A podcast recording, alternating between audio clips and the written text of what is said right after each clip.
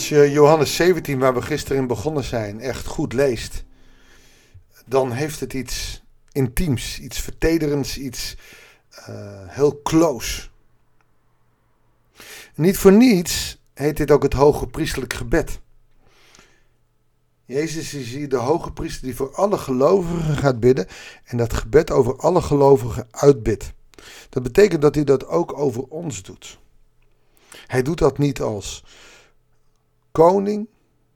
Hij doet het niet als profeet. Hij doet het als priester. Een profeet zou, dit gaat er gebeuren, dat gaat. En dat doet Jezus ook. Dat doet hij alleen al door, uh, door, door Johannes in de openbaring te schrijven. Maar hier is hij echt, hij bidt voor anderen. En, en tevens is dit ook een gebed wat we als voorbeeld mogen nemen voor ons eigen bidden. Heel vaak is ons eigen bidden een waslijst van prachtig mooie dingen die wij zouden willen doen. En wat Jezus hier doet is, is wegbidden. Is agapeo, is zeggen ik bid voor hun. En dat doet hij vanuit zijn goddelijk wezen. En dat maakt het stuk zo heel boeiend. We gaan door waar we gisteren gebleven waren. Eh, Johannes 17, vers 13 tot en met 26. Goeiedag, hartelijk welkom bij een nieuwe uitzending van het Bijbelsdagboek. Jezus gaat verder. Nu kom ik naar u toe en ik zeg u dit terwijl ik nog in de wereld ben. ben. Opdat zij vervuld worden van mijn vreugde. Nou, hij heeft het hier tegen God. Nu kom ik naar u toe. Ik ga straks naar u toe. En daarvoor moet hij eerst nog dood en door de, drie dagen hel en dan opstaan en dan nog een poosje en dan pas gaat hij nu toe. Dus uh, in de Bijbel is, is nu kom ik naar u toe, is niet van oh dat doen we meteen. Nee, dat bijna na 33 jaar schiet het op nog een, uh, nog een uh, paar dagen, zeg maar. Of een, 1, 2 weken, ik weet niet hoe lang het precies geweest is. Maar ik kom nu naar u toe. Ik ga de wereld verlaten. Ik zeg dit terwijl ik nog in de wereld ben. Dus nog hier als mens op deze wereld. Opdat zij vervuld worden van mijn vreugde. Niet van de geest, dat komt straks met Pinksteren. Maar vervuld worden van mijn vreugde. Wat is dat vervuld worden van zijn vreugde? Dat is laten zien dat hij, ondanks dat hij weet dat hij doodgaat, toch dat bidt naar die anderen toe. Toch blij is met hen. En, en wil zeggen, wij hebben die verbinding. En daar mogen we blij zijn. Ik heb hun uw woord doorgegeven. De wereld haat hen. Dit is, dit is extreem. Uh, haten. Uh, dit kan je op twee manieren uitleggen. Het woord haten staat tegenover liefde. Nou, de wereld heeft hen niet lief, want ze zijn anders. Het zijn mensen die uh, heel anders denken. Nou, in de tijd van Jezus was er inderdaad wel haten. Maar heel veel ongelovigen hebben zoiets van, dat boeit me niet. Dat is ook een vorm van haat in de Bijbel. Het op de tweede plek stellen. Ik uh, had gisteren een gesprek met een stel wat wil gaan trouwen. Uh, waarvan zij gelovig is opgevoed en, uh, en er ook wel mee bezig wil. En hij is nou, wel wat katholiek opgevoed, maar er niet mee verbonden. Hij had twee kanten op kunnen gaan. Hij had gezegd, ik doe er niks mee. Uh, en dan haat je als het ware je vrouw. Niet, in, niet hekelen, maar je zit er op de tweede plaats. want, want God hoort daar niet bij. En dat, of hij gaat erin mee.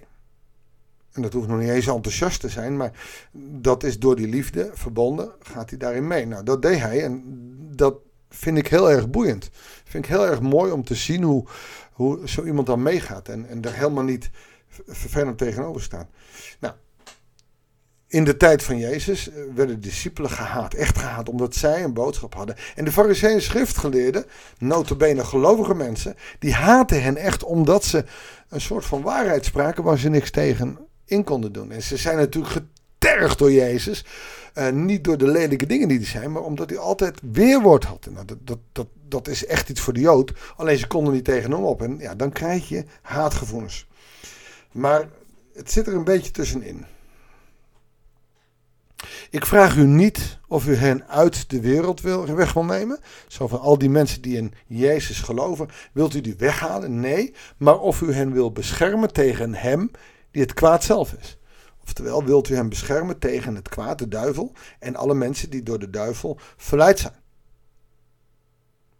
Ze horen niet bij de wereld, zoals ik niet bij de wereld hoor. wij als christenen, jij, luisteraar van de podcast, jij hoort niet bij de wereld. Paulus zegt het ook, uh, als je in Christus gelooft, dan word je niet wereldgelijkvormig. Je mag wel een biertje drinken, maar je gaat niet elk weekend compleet dronken. Je mag wel seks hebben, maar dat doe je met een partner en niet met Jan en Alleman of naar de horen. Je mag wel geld hebben, je mag zelfs wel rijk zijn, maar je gaat er niet verkeerde dingen mee doen. Als je rijk bent, ga je heel veel voor jezelf doen. Dat is wat de wereld doet. En Jezus zegt hier, deze mensen zijn anders. En in die tijd waren ze natuurlijk heel anders. Als na Jezus dood zie je ook dat die nieuwe gemeentes, in handeling lees je dat alles verkopen en, en met elkaar een gemeenschap vormen. Dus een echt oprechte kerkelijke gemeenschap is een gemeenschap die niet geeft om geld of goed, maar dingen wil delen. Je hoeft niet alles te verkopen, zeker niet. Maar je gaat ook niet krenterig zitten zijn. En, en, en reken maar eens, ik, ik ga je er niet op navragen.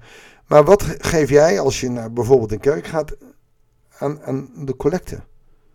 Is dat 25 cent of 50 cent? Of geef je met je hart en geef je 5 euro? Dat is een wereld van verschil. Van beide gevallen word je niet arm. Alleen de ene voel je meer dan de ander. En als je het niet voelt, geef je, waarom geef je dan geen 50 euro in de collecte elke week? Ja, maar dan. Sommige mensen kunnen dat makkelijk missen en ze doen het niet. Dan gaat het me helemaal niet om de collectezak nu te vullen, maar het gaat er wel om even welk gedrag. Van de wereld ben je als je zegt: Ja, nou, ik kan, uh, ik kan wel 50 missen, maar ik doe, uh, ik doe er een eurotje in. Waarom? Omdat ik de rest wil houden. Ik heb geleerd dat als je niet van de wereld bent, zoals Jezus dat nu noemt, en je geeft van wat je eigenlijk niet eens hebt, dat je dan terugkrijgt. Op een hele bijzondere manier. Maar goed, Jezus zegt ze zijn niet bij de wereld, zoals ik niet bij de wereld ben. Heilig hen dan door de waarheid.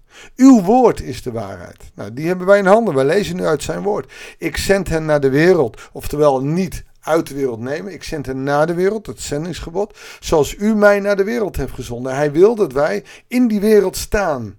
Anders dan de wereld, namelijk in God gelovend en daardoor anders reagerend. We moeten het dus kunnen laten zien aan de wereld. De wereld zal het aan ons moeten laten zien. En wij doen het helaas in het verborgene zo vaak. Ik heb mij geheiligd omwille van hen. Zo zullen ook zij door de waarheid geheiligd zijn. Ik bid niet alleen voor hen, maar voor allen die door hun verkondiging in mij geloven. Nou, dat gebeurt dus nu. Wij zijn in Jezus gaan geloven doordat de discipelen eerst het zijn verkondigen. Dus dit is voor ons allemaal. Laat hen alle één zijn. Dus wij zijn verbonden met die discipelen en met alle gelovigen over de wereld in die eenheid in Christus. Vader, zoals u in mij bent en ik in u, laat hen ook in ons zijn. Opdat de wereld gelooft dat u mij hebt gezonden. Ik heb hen laten delen in de grootheid die u mij gegeven hebt. Heeft alles gegeven, opdat zij één zijn zoals wij. Wij zijn één met God. Ik en hen en u en mij. Wat hij in, dit, in het gebed doet, is ook heel duidelijk laten zien dat die drie eenheid ook echt een eenheid is. En dat je die niet uit elkaar kan halen. Dan heb ik nog eens moeite met een aantal uh, liederen, uh, christelijke liederen, die dat, hè, God de Vader, God de Zoon en God de Geest, wel heel erg uit elkaar halen. Het is één. Dan zullen zij volkomen één zijn, dus dat één weer, en zal de wereld begrijpen dat u mij gezonden heeft. En dat u hen lief heeft zoals u mij lief had. Vader, u hebt hen aan mij geschonken. Laat hen dan zijn waar ik ben. Dan zullen zij de grootheid zien die u mij gegeven hebt. Omdat u mij al lief had voordat de wereld gegrondvest werd. Rechtvaardige Vader, die wereld kent u niet, maar ik ken u en zij weten dat u mij gezonden heeft. Ik heb hun uw naam bekendgemaakt. Dat is die naam weer. De naam van God is bekend. En dat zal ik blijven doen, zodat de liefde waarmee u mij lief had, in hen zal zijn en ik in hen. Hier zit nog weer iets. Ik zal dat blijven doen. Hij heeft net gezegd dat hij weggaat. Uh, en dat doet hij doordat de geest straks uitgestort wordt. Dus Christus in ons, God in ons, is die Heilige Geest. En wat doet die Heilige Geest? zijn naam in ons leven bekendmaken. En de liefde van God in ons hart leggen. En hij zegt het hier niet, maar je zou hier kunnen zeggen amen. Zullen we God danken voor dit machtig mooie gebed. Vader, als we het snel lezen is het filosofisch, maar als we het goed lezen zitten er hele grote rijkdom in. Dank u wel voor dat hoge priestelijk gebed. U hoge priester, koning en profeet. U bent een God die zo vol liefde en genade zit dat we u alleen maar kunnen danken. Dank u voor dit prachtige gebed. Dank u wel voor die bemoediging. Heer, als wij in u blijven, dan blijft u in ons. Wat een belofte. Help ons zo om dit ons eigen te maken. Heer, dat bidden wij u. In Jezus' naam. Amen. Dankjewel voor het luisteren. Ik wens je God zegen. Heel graag tot de volgende uitzending van het Bijbels Dagboek.